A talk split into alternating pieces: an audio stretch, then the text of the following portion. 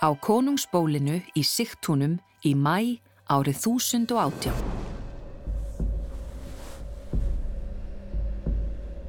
Það er hlýr vordagur en konungsdóttirinn Ingi Gerður liggur undir dúnsæng og tennurnar glamra í henni. Sóttitinn heldist skindilega yfir hana og hún tók honum fagnandi eins og gömlum vini, eins og griðastað.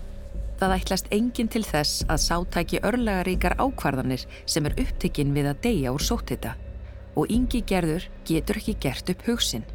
Hvað sem hún gerir mun hún svíkja annan af mönnunum tveimur sem henni þykir vænstum í öllum heiminum, föður sinn eða mannin sem hún elskar. Tveir konungar, hvor í sínu ríki og svarnir ofinir. Ég var bara átján ára gömul. Ég vissi að það var sama hvað ég veldi, það myndi hrinda af stað stríði og dauða. En hún mun þó velja og valið mun gera hann að erindrega og sáttasamjara. Konu sem hefur vald til þess að breyta gangi sögunar.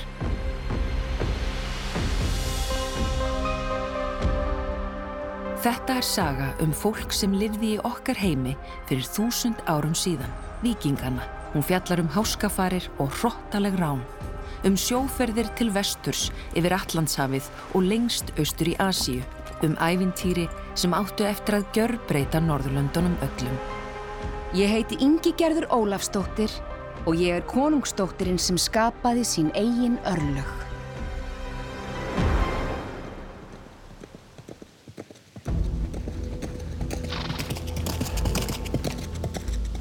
Vordag einn ári áður. Fletturnar á yngi gerði slást í bakið á henni þar sem hún rýður. Fyrir aftanana eru sigtún, þjætt við strendur lagarins.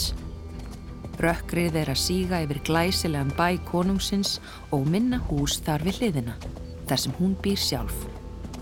Allt í kring eru bæirnir sem faðirinnar, Ólafur Skautkonungur Eiríksson, hefur gefið sínum trúföstu höfðingjum. Nú er Ingi gerður komin inn í skógin og getur andað letar. Ef pappi hefði séð mig hefði hann sagt þú mátt alls ekki ríða einn inn í skógin. Og Ingi gerður veit að þannig talar hann ekki að ástæðu lausu. Fadir Ingi gerðar ríkir yfir bæði laugardalnum og vestra Gautlandi og hefur bækistöðar sínar í nýbyðinni Sigtúnum. Þegar þingið í uppsölum kausan konung var hann enn heiðin en tók síðar skýrn á samt fjölskyldu sinni. Fyrir vikið fekk hann marga upp á móti sér en hann segir að með kvítakristi sé hægt að koma á meiri röð og reglu. Áður fyrr hafði hver einasta þúfa sinn eigin höfðingja og sína guði og giðjur. Ráðamaður sem tekur kristni hefur heilan valdapíramíta á bakvið sig sem hjálpar honum að hafa stjórn á sínu fólki allt frá sókninni til biskupsdæmisins og alla leið upp til páans. Allir fá jú völd sín frá sama guði. Þess vegna fær yngi gerður kennslu í henni hreinu trú frá prestum og trúbóðum sem sækja konungsbólið heim. Þó veit hún að baráttunni á milli gömlu goðana og nýja guðsins er langt í frá lokið og að svo barátta er upp á líf og dauða.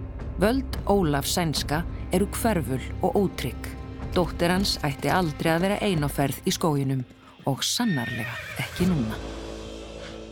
Skyndilega fælist hesturinn við eitthvað sem hann sér á stygnum. Hann prjónar og kastar henni næstum af baki. Ingi gerður talar róandi til hans og stýgur af baki til að sjá hvað hrættan. Eftir nokkur skref rekkur hún sjálf tilbaka. Hægt og rólega skýrist myndin í rökkrinu. Á jörðinni situr maður og hallast upp að tre. Og hann var með ör í gegnum hálsin. Það voru starandi augun og gapandi munnurinn sem hún sá fyrst. Lengra fram með stíknum líkja dauðir líkamar hverum annan þveran þar sem mennirnir hafa fallið. Hún þekkir nokkra þeirra látnu, unga menn úr fjölskyldum sem eiga í illdeilum við föðurinnar. Þá heyri ég eitthvað kvísla nafnið mitt. Ingi gerður tekur að skjálfa. Hliðið á milli heima lifandi og döðra stendur ennþá opið. Einhver af þeim látnu hefur orðið hér eftir og kallar nú á hana. Hún fálmar eftir nistinu með marjumyndinni sem hún ber um hálsin. svo þekkir hún röttina. Þetta er eimundur frændið hennar. Hann liggur inn á milli trjána. Hárið er aðtat blóðlifurum, en hann er á lífi. Íamond. Eymundur og Ingigerður ólust upp saman. Sískinni hennar voru send í fóstur hjá ættingum. Það var aðferð aðalsmanna við að mynda bandalög. Eymundur var mér sem bróðir og þess vegna varði ég svo reið. Á augabragði hverfu hræðslan og það fíkur í yngigerði. Hún bysar Eymundi með erfiðismunum upp á hestin. Á meðan segir hún honum til syndana með hásri röttu. Jú, hann vissi að hann væri heiðin en þurfti hann endilega að ráðast gegn pappa hennar. Og hvers vegna sagði hann ekkert við hana, vinkonu sína og fóstursistur? Eymundur svarar ekki, hann stynur bara. En hún veit hvers vegna hann sagði hann ekki frá. Vissulega elskar Ingigerður Eymund rétt eins og bróður en hann veit að hún elskar föður sinn líka. Allt ringsnýst í kollinum á Ingigerði. Hún verður að fá hjálp, en hverjum getur hún treyst? Hún man eftir litlum bóndabæ þarna skamt frá. Hún veit að bóndin blótar enn þá og er ansnúin kvítakristi og nýjasiðnum. Þar verður tekið vel á móti Eymundi.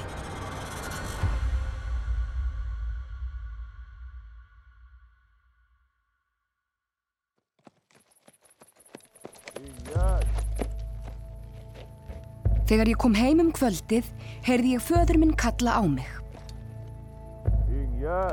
Hún lagfærir í flíti brjóstnálarnar á kjólnum og gengur inn í sal til föður síns um leið og hún reynir að skálda upp einhverja sögu um hvar hún hafi verið. En hann hafði ekki einu sinni tekið eftir því að ég væri í burtu. Hann var svo upptekinn af því að reyna að skilja það sem hafi gerst. Hans nánustu menn höfðu orðið fyrir árás úr launsátri úti í skógi. Þeir réðu niðurlögum allra árásarmannana nema tveggja sem þeir tóku til fanga. Fangarnir komu upp um Eymund sem leiðtóa sinn. Ólafur lætur fallast á stól og segir meira við sjálfan sig en hana Ég get ekki einu svona treyst á mitt eigið fólk.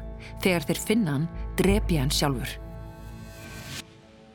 Ingi gerður sér fyrir sér starandi, dauðu augun í skóginum og andlit Eymundar, þakið storknuðu blóði. Hún tekur utan um pappa sinn og kvílir höfuðið á öxlans. Hún þarnast hugunar, engu síður en hann.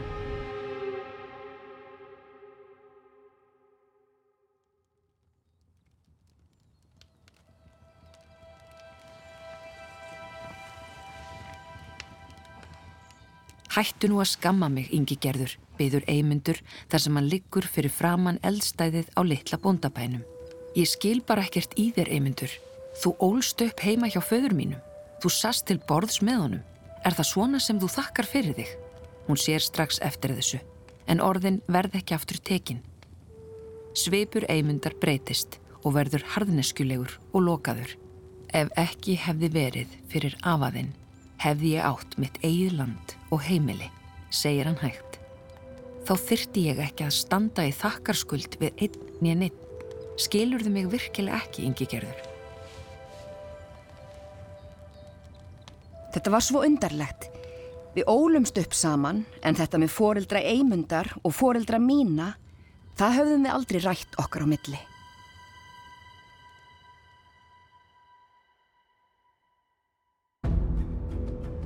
Eiríkur Sigursæli var afi yngigerðar í föðurætt og móður afi Eymundar. Móður Eymundar giftist manni að nafni Gunnar, þvert á vilja Eiríks og stuttu síðar fættist Eymundur. Þegar Eymundur var rétt orðin einsás bauð Eiríkur litlu fjölskyldinni til veistlu. Um nóttina letan Mirða Gunnar, föður Eymundar. Eymundur man ekki morðið á föðurnum en hann man hvernig fór fyrir móður hans. Hún jafnaði sig aldrei og nokkrum árum síðar veiktist hún og dó. Eymundur ólst upp á konungsbólinu en föðurafi hans sölsaði undir sig eignirnar sem hann hefði átt að erfa og í staðinn gengu þær því setna í arf til Ólafs, föður yngigerðar. Ég hafði aldrei velt í neitt sérstaklega fyrir mér hvers vegna Eymundur byggi hjá okkur. Við byggum á sama heimili en við afar ólíkan aðbúnað. Djúb gjá skilur þau að. Hún áttaði sig bara ekki á því fyrir núna.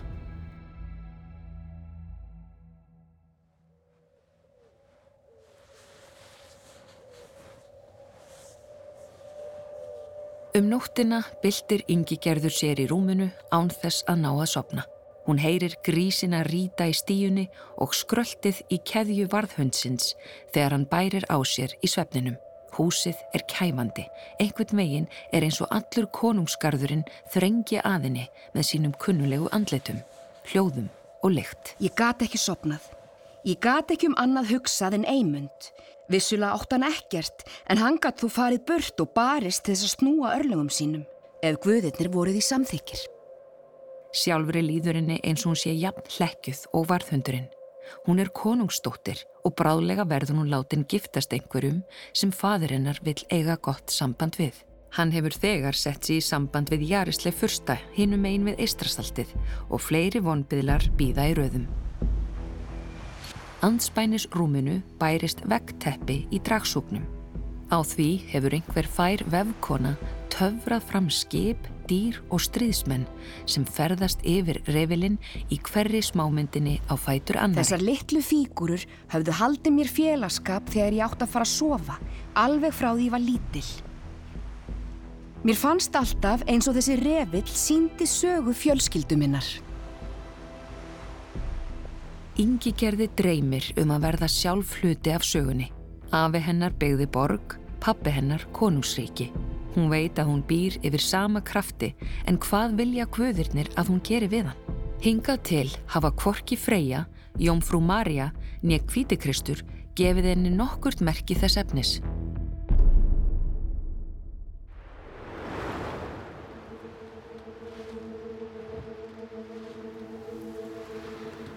Úti er nóttinn dimm og ókyrr. Þung skí hanga látt á himni og fela varfærnislega hreyfingar úti á vatninu. Laung og mjó skip líða yfir laugin. Áhöfnin hallar sér fram á árarnar og skimar eftir ströndinni þar sem bryggjurnar skaga líkt og svarta rákir úti í blígrátt vatnið. Hér liggja skip við bryggju, hlaðin vínum, silki og kryttum, alla leið frá Konstantinópel. Fjársjóðir sem eiga að fylla bæi stórmenna í þakklæti skinni fyrir trúmennsku þeirra. Einn af njósnörunum tekur í handlegg stýrimannsins. Hann hefur komið auga á varðmann á einni bryggjunni. Þegar fóringin gefur merki leggja bógaskitturnar ör á strengin. Fjórir varðmenn á ströndinni falla næstum samtímis til jarðar. Án þess að vekja sofandi byggðina leggja hinnir ókunnugu að landi. Þeir tæma kaupskipin af þeirra dýrmæta farmi og svo hverfa þessir óböðnu gestir jafn hljóðlega og þeir komu.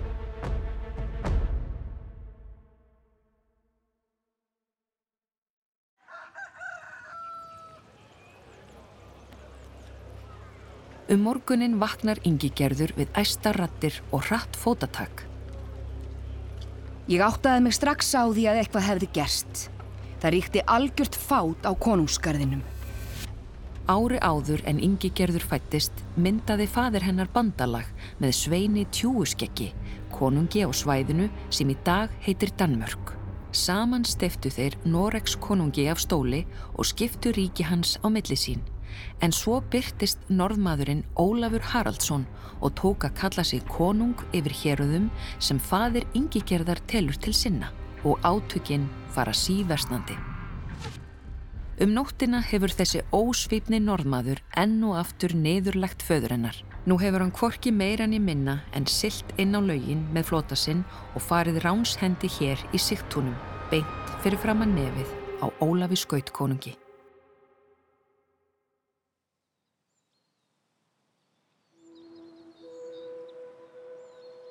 Ólafur Haraldsson, segir Eymundur þar sem þau setja í sólskinninu fyrir utan litla bondabæin. Ég dáist að þeim manni. Ingi gerður segir ekkert. Þóttinni sé það þvertum geð finnur hún þó líka fyrir dölinni aðdáin á Ólafi konungi. Sagt var að hann hefði farið í viking 12 ára gamall og á honum hefði meira segja tekist að fella brýrnar í löndunum. Hún hefur líka heyrt sendibóða frá vestra Gautlandi gráðbyðja föðurinnar um að semja frið við norska konungin Ólaf. Deilurnar hafa skapað óöld í sveitum þar vestra. Gamlir nágrannar eru orðnir óvinnir og margir vesturgautar hafa týnt lífi eða rakist á brott. Fadir hennar neytar auðvitað. Eymundur andvarpar af óþólinnmæði. Sárin á höfðunu og fótlegnum eru svo gott sem gróin og hann verður eirðarlausari með hverjum deginum sem líður. Það hefði þó verið almennilegt að fá að fara í viking með Ólafi Haraldsinni konungi, segir hann. En hér sitt ég, eignalaus og ærulaus Ég get allt eins dáið og að sitja hér í hlekkjum. Yngi gerður skilur hann vel. Vilji eimundur vinna tilbaka það sem hann hefur tapað er eini möguleikin að berjast fyrir einhvern frægan höfðingja. En svo fekk ég hugmynd. Ég skil ekki hvað hún kom, en ég vissi að ef að mér tækist að hrinda áallun minni í framkvæmt, myndi það hvort tveggja leysa vanda eimundar og föður míns. Með hjálp eimundar ætlaði ég að koma á friði. Hvers vegna leitar þau ekki Ólaf konung uppi og gengur til liðsveðan? Spyringi gerður. Eymundur starir á hana. Er það dóttir svíja konungs sem talar svona, segir hann loks. Ættir þú ekki að standa með föður þínum gegn norska konunginum og svo er Ólafur konungur eldur eins og hundur nú um stundir. Yngi gerður hristir höfuðið óþreifull. Ólafur er slægur, segir hún. Hann á eftir að komast út af leginum og ef þú fer með honum kemst þú líka í burtu. Og þá áttu þér voldugan herra. Ég get hjálpað þér að komast í samband við Ólaf Haraldsson. Eymundur horfir íhugull á hana.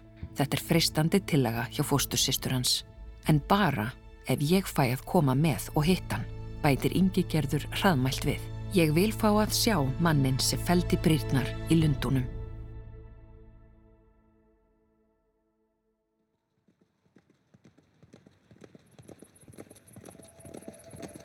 Síðsumar myrkrið er þjætt og flauilsmjúkt þegar yngigerður og eimundur koma á leynilega fundarstaðin við bakka lagarins. Á meðan þau binda hestana við tre kvíslar eimundur aðinni. Mundu að þú átt að þykjast vera ambátt mín. Yngigerður hnussar og gefur honum þjettingsfast olbóaskott. Þegar hún stýgur út úr skóarþykninu niður á bakkanum er tunglið komið upp og kastar silfri sínu yfir lengt vatnið. Líkt og svartir flekkir í silfuröðu vatninu liggja hinn mjóu orustu skip Ólafs þjætt hlið við hlið. Án minnstu viðvörunar er handleikjum yngigerðar rikt aftur á bakk og póki dreyin yfir höfuð hennar. Fyrst nú áttar hún sig á því hversu bjánaleg áallun þeirra er. Hún benti jú sjálf á að Ólafur væri slægur maður. Fyrst að hann veit hver eimundur er, hefur hann auðvitað reiknar út hver kæmi með honum. Við vorum svo ótrúlega barnaleg að halda að við gætum snúið á Ólaf Haraldsson. Þegar pókin er tekin af henni standa þau í skóarjóðri umkringt streyðsmönnum. Á útskortnum stól fyrir fram að þau setur maðurinn sem þau eru komin að hitta, gleðfættur og afslappaður, líkt og hann seti heima á sínum eigin bæ. Augun eru skörp og skærblá. Yngi gerður mætir augnaráði hans án þess að kvika. Kondu sæl, Ólafur Haraldsson, segir hún. Er það svona sem þú tekur á móti vel ættuðum stríðsmanni sem er hingað komið til þess að sverja þér hotlustu? Þú virðist vera jafn bráðlind og fadirðinn, segir Ólafur. En nú er ég skindilega í langtum betri stöðu ef ég skildi vilja semja við hann. Yngi gerður sér að hönd eimundar nálgast sverðið. Eymundur var að búa sig undir bardaga, þrátt fyrir hann vissi að við ættum ekki möguleika. Við myndum deyja þarna á ströndinni. Við komum til þín í friðarhug, segir Ingi gerður háum rómi og fadir minn ber virðingu fyrir hugrökku mönnum. Ef þið látið lönd og þegna föður minns í friði, mun hann ekki hefna sín á ykkur. Hefur þú umbóð til þess að mæla fyrir hans hönd? spyr Ólafur konungur. Annars væri ég varla hér, svarar yngigerður þóttafull. Eitt augna bleik verðist Ólafur trúinni, svo sér hann undrunarsveipin á eimundi og fer að hlæja, hjartanlegum og gladlegum hlátri. Yngigerður róðnar niður í háls. Augun fyllast af skömmustu tárum. Ólafur verður alvarlegur á sveip, stendur á fætur og neyir sig fyrir henni. Fyrirgefðu mér dónaskapin, kongsdóttir, segir hann.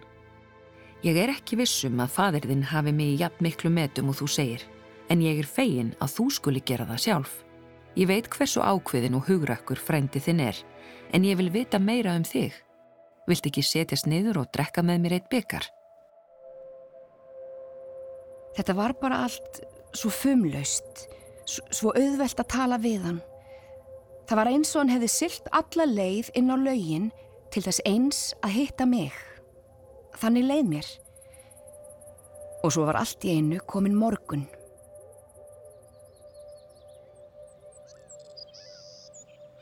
Við verðum að fara, segir Ólafur.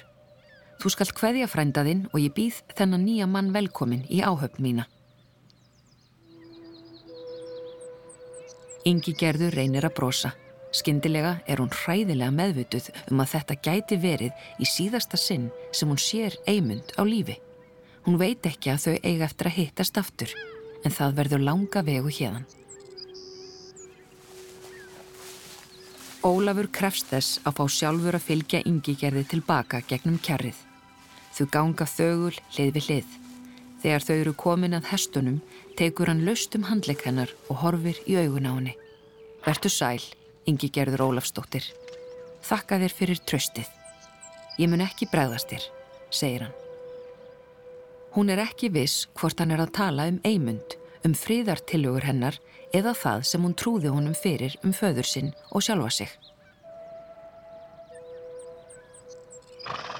Þar sem yngi gerður rýður einsumul heim í morgun skímunni finnur hún enn hvar hönd hans kvildi á handleik hennar. Þetta var svo órunverulegt. Ég áttaði mig varðla á því hvað hafi gerst.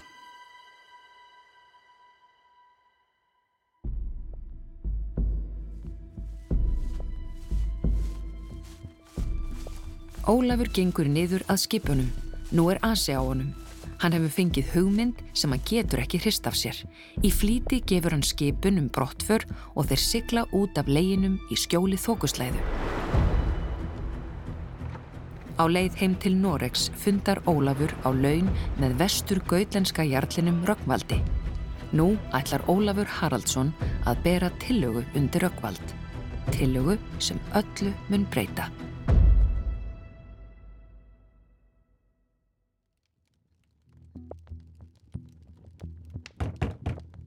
Sent um kvöld, nokkrum vikum síðar, er barið að dyrum heima hjá yngigerði. Kvíðastingur fer um hana en svo þekkir hún röttina. Þetta er Rögnvaldur Jarl, frendi hennar, sem stýrir vestra Gautlandi fyrir hönd föður hennar. Þegar ég var lítil, heimsóttu við Rögnvald oft í skara, þar sem bærin hann stóð. Rögnvaldur sest þingslalega við eldstæðið og tekur annars hugar á móti þegar hún réttir honum byggar fullan af miði. Það snarkar í logunum sem lýsa upp andlit hans. Ingi gerður sér móta fyrir dökkum baugum undir augunum. Röggvaldur andvarpar. Hann hefur setið og rætt við föður Ingi gerðar allt kvöldið og beðið hann að sína sér skilning en það stóðar ekkert. Í Rögnvaldi tógast á hotlusta við þegna hans og hotlusta við konungin. Vestur Gautar hafa engan áhuga á að lenda í stríði gegn norska koninginum Ólafi. Þeim hefur alltaf verið sama hvoru megin landamærana þeir búa en nú er orðið ómögulegt að ferðast eða stunda viðskipti nærri landamærunum.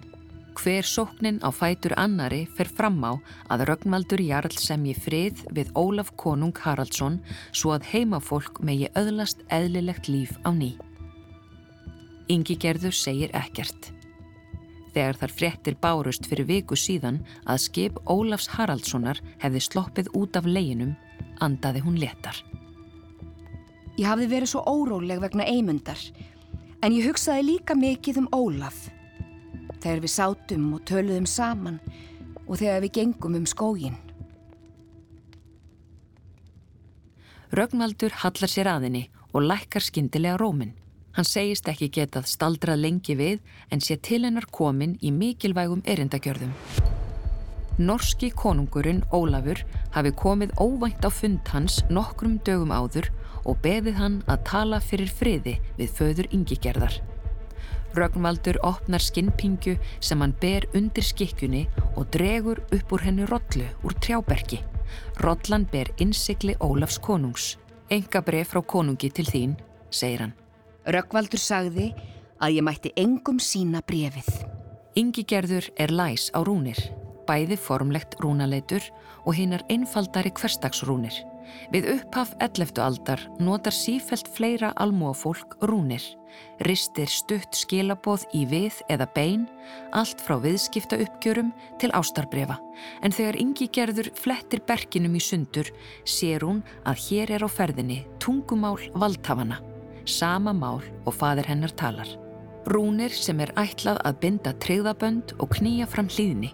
Hún sér að Röggvaldur fylgist með henni og reynir að dilja spennuströymin sem fer um líka með hennar. Brefið hefst á formlegum nótum en eftir ingangsorðin virðist Ólafur konungur hafa þreist á kurteisishjálinu. Ég hreifst af þér þegar við rættum saman, konungsdóttir, skrifar hann. Í þér sé ég jafningja minn, bæði í orðum og aðtæfi. Ef við getum haldið friðin okkar í milli, geta lönd okkar sömu leiðis bundist sáttmála. Hjónaband okkar kæmi fjölskyldu okkar begja til góða. Ólafur Haraldsson, konungur Noregs. Hún lítur upp. Röggvaldur hefur ekki haft af henni augun. Þetta gæti verið leið til að koma á friði, segir hann, og allir vita að faderðin hlustar á þig. Skyndilega verður yngi gerður ónótalega meðvituð um eigið rinsluleysi. Þegar hún fór í fyllt eimundar á fundarstaðin við laugin vonaðist hún vissulega til þess að norski konungurinn myndi hlusta á fríðartillugu hennar en umfram allt stjórnaðist hún af kvadvísi og löngun í ævintýri. Núna hafði þetta snúist upp í eitthvað miklu stærra. Allt í einu kvildi spurningin um frið alfarið á mínum herðum. Ég verða að hugsa mig um, segir Ingi Gerður og lætur ekkert uppi. Gerðu það, svara Rögnvaldur. Hugsaðu þig vel og vandlega um, en gættu þess að ræða við föðurðinn áður en stórþingið í uppsölum verður haldið í vetur. Áður en hún nær að spyrja hvers vegna er hann komin halva leið út um dyrnar. Ég skildi ekki alveg hvað hann átti við með þessu. Ekki þá, en síðar áttaði ég mig sannarlega á því.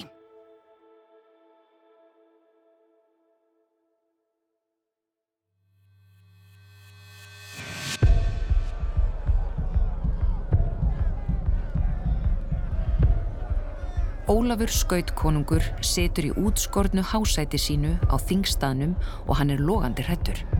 Þrátt fyrir kuldan og snjóin bogar svitin af honum undir loðklættri skikkjunni. Í kringum hann standa hirðmennans með skildi sína á sverð, menn sem hafa svarið þess helgan eið að vera honum trúir. En jáfnvel þeir tvístiga órólega. Þingið er helgað góðunum og á að vera staður friðar en brekkan upp að helgistaðnum er krökk af ævareiðu munnum. Þeir tróðast áfram svo að þeir sem standa neðar á þingstaðnum rökklast fram á við, skref fyrir skref. Nú eru bændurnir farnir að slá sverðum í skildi sína. Hvenar sem er gætu þeir brotið sér leið að Ólafi og reynda drepan. Allt uppást þetta síðasta höst þegar Röggvaldur Jarl kom skrýðandi og bað Ólaf Sænska að bjarga sér frá reyði vesturgautana. Svo hóf hans eigin dóttir að leggja fast að honum með tillögum sem voru tómt bergmál af orðum Röggmaldar. Átökin hefðu slæm áhrif á verslun og ífðu upp fólkið í landamæra héröðunum. Ég reyndi að útskýra að friður yrði öllum til heilla, en hann reytist bara þegar ég sagði það. Ólafur mann hvað hann varð ergilegur yfir framleitni hennar og svo var það drópin sem fylgti mælin. Norski konungurinn baðum hönd yngigerðar til þess að innsikla friðin og yngigerður vildi játast honum. Aldrei, svaraðan, fyrr skal ég dauður liggja. En Röggmaldur Jarl leitaði til stjúpföður síns, Þórgnís Lögmanns, sem er þar að auki lögsögumadur hér á þinginu og nú hafa þeir espað bæði almúan og höfðingjana upp á mótonum. Engver kastar grjóti, fleiri fara dæmi hans og menn Ólafs lifta skjöldum sínum til þess að verja konungin. Skyndilega er hann gripin óta við goðin sem hann yfirgaf. Þau fyrirgefa ekki. Þau vilja sjá blóð. Getur hvíti Kristus staðið gegn þeim hérna á yfiráða svæði þeirra við ævaforna blótstaðin. Hann fangar augnar á þórgnís lögmanns og öskrar gegnum háaðan. Gerðu eitthvað. Þá stendur lögsögumadurinn loks á fætur. Það er þingið sem velur sér konung, segir Þórgnýr. Nú vilja þegnarnir að konungurinn semji frið við norðmannin Ólaf Haraldsson og leifi honum að giftast yngigerði Ólafsdóttur. Þú getur valið um að hlýða því eða deyja. Hvort velur þau?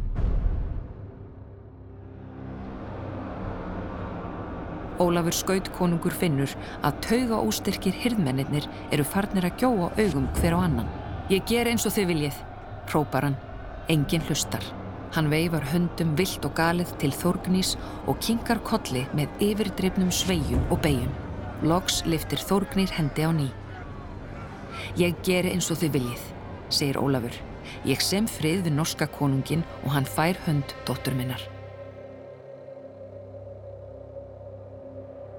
Þegar hann fer frá þingstaðnum verður hann skindilega yfirkomin af sveima og ógleði.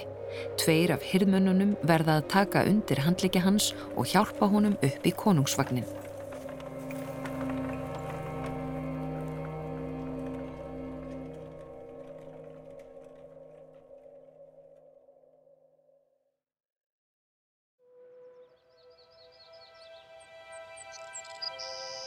Á heitum sumardegi, nokkur mánuðum síðar, er yngi gerður inni í húsi að pakka niður. Á snaga á vegnum hangir brúðarkjóllin sem hún let sauma úr næfurþunni silki. Hún er þegar búin að senda frá sér silkijakka í sama stíl, bróteraðan með gullþræði. Það var brúðargjöfin til Ólafs.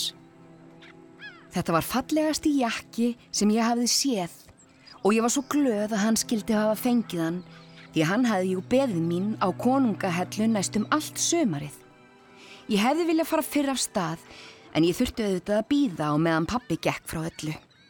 Alveg síðan á þinginu síðasta vetur hefur Ólafur Sænski verið fjarlægur og annars hugar. Það tekur yngi gerðir sárt að sjá hversu niðurlægingin á þinginu hefur tekið á hann. Á sama tíma getur hún ekki annað en glaðist yfir öllu því sem býður hennar þegar hún loks kemst frá síðtúnum. Fyrsta fadir hennar hafði ekkert frumkvæði af brúðkaupinu, tók yngi gerður og endanum sjálf til við skipulagninguna. Hann korki stóð í vegi fyrir henni nýja hjálpaði nokkuð til. Nú er hún þó farin að velta því fyrir sér hvort hann komi yfir höfuð með til konungahellu. Hvernig á hún að geta gift sig ef fadir hennar er ekki á staðnum? Ég vissi að þetta var annað en fadir minn hafði séð fyrir sér. Hann hefði viljað tengja mig inn í einhverja valdamikla evróska fjölskyldu í Fraklandi, Englandi eða Garðaríki í Östri. Littla húsið sem hún hefur haft útaf fyrir sig síðan hún komst á úlingsár er smám saman að tæmast af personulegu munum. Ekkert hangir eftir nema revillin. Hún stríkur fingri yfir kunnuglegar myndirnar. Stríðismenn með skildi standa í röð á skipi með dregakjaft á leið yfir hafið. Um borð hjá þeim stendur sjálfur óðinn. Á næstu mynd eru þeirra berjast á ströndinni. Herfóringin á hesti sínum. Hún hjælt alltaf að það væri fadir hennar.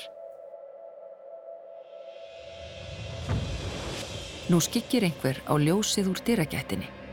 Skyndilega stóðan þarna. Pappi.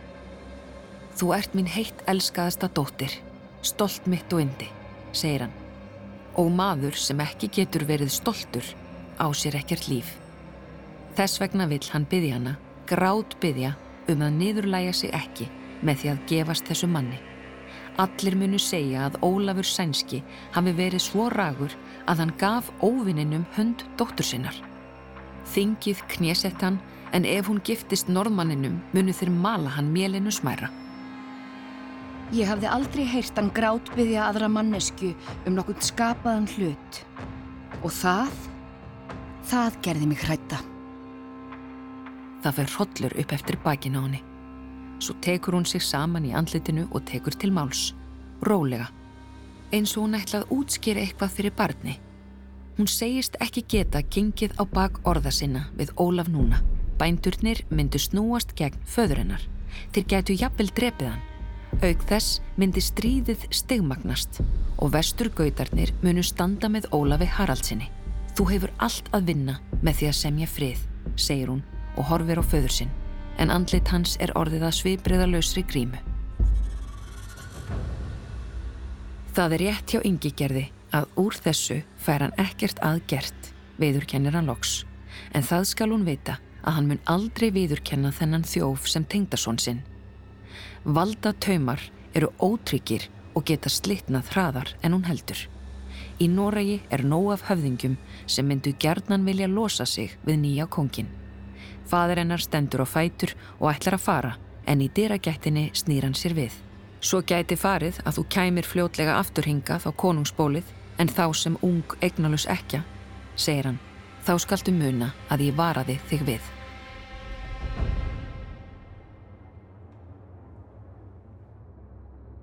Það var þetta kvöld sem ég fekk sótt hitta.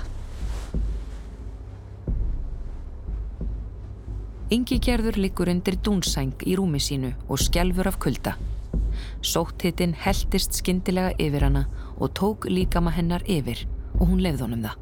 Hún felur sig í hinnu undarlega landslægi veikindana til þess að sleppa við að taka ákverðun. Hún veit nefnilega að hvað sem hún velur verður það rátt.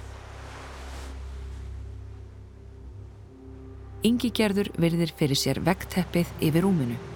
Gamal kunnugar myndirnar hafa óvænt vaknað til lífsins. Þarna er fadir hennar með mönnum sínum í skipi á leið til Noregs. Nú lístur herjónum saman á ströndinni. Hestar falla til jarðar með opin kjaftin og kremja reyðmennina undir sér. Jörðin er hál af blóði. En á næstu mynd sigla Ólafur Haraldsson og Eymundur í áttað sigtúnum. Þeir kveikja í byggðinni. Konur og börn leggja á flótta en stríðismennir ná þeim og stinga þau á hól með sverðum sínum. Ingi gerður loka raugunum. Hún hjælt að hún gæti öðlast frjálst líf með Ólafi en þeir fadir hennar eru báðir fangar í vef átaka. Guðir og mannfólk, kongar og stríðsmenn. Allir feta sína fyrirfram ákveðnu leið yfir revelin, allt frá fæðingu til dauða. Öll verða þau að uppfylla hlutverk sitt.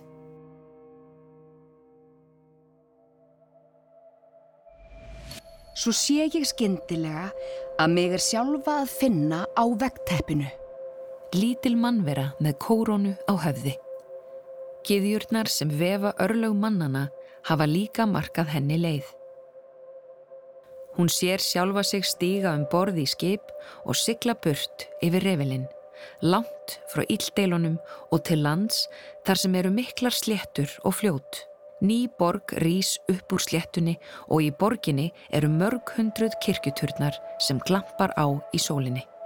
Svo sér hún tvö herlið sem þramma hvort á móti öðru en yngi gerður tekur sér stöðu mitt á millið þeirra og tegir út handlikina og þegar hermennir sjá hana nema þeir staðar, leggja frá sér sverðin og krjúpa á knið.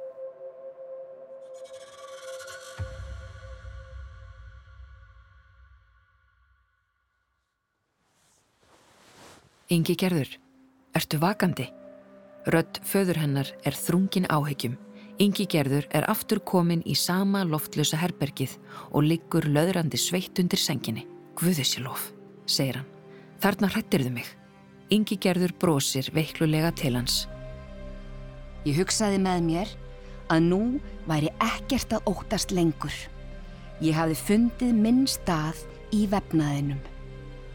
Loksins veit hún hvað hún verður að gera.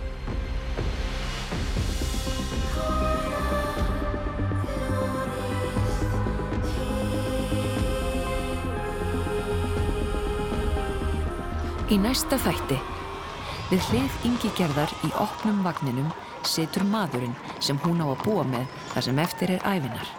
Jarisleifur fyrsti, helmingi eldri en hún sjálf. Hvað hefur hún gert? Ég sem var ennþá ástfangin af Ólafi konungi. Hvernig átti ég að fara að því að búa með þessum manni? Þú varst að hlusta á Víkinga og fyrir hlutasögunar af Ingigerði Ólafsdóttur. Lesari Tinnar Rapsdóttir. Í hlutverki Ingigerðar var Marja Hepa Þorkelsdóttir. Leikstjóri Tinnar Rapsdóttir. Tæknimaður Gísli Kjaran Kristjánsson. Tónskáld Matti Bíe, þýðandi Salka Guðmundsdóttir.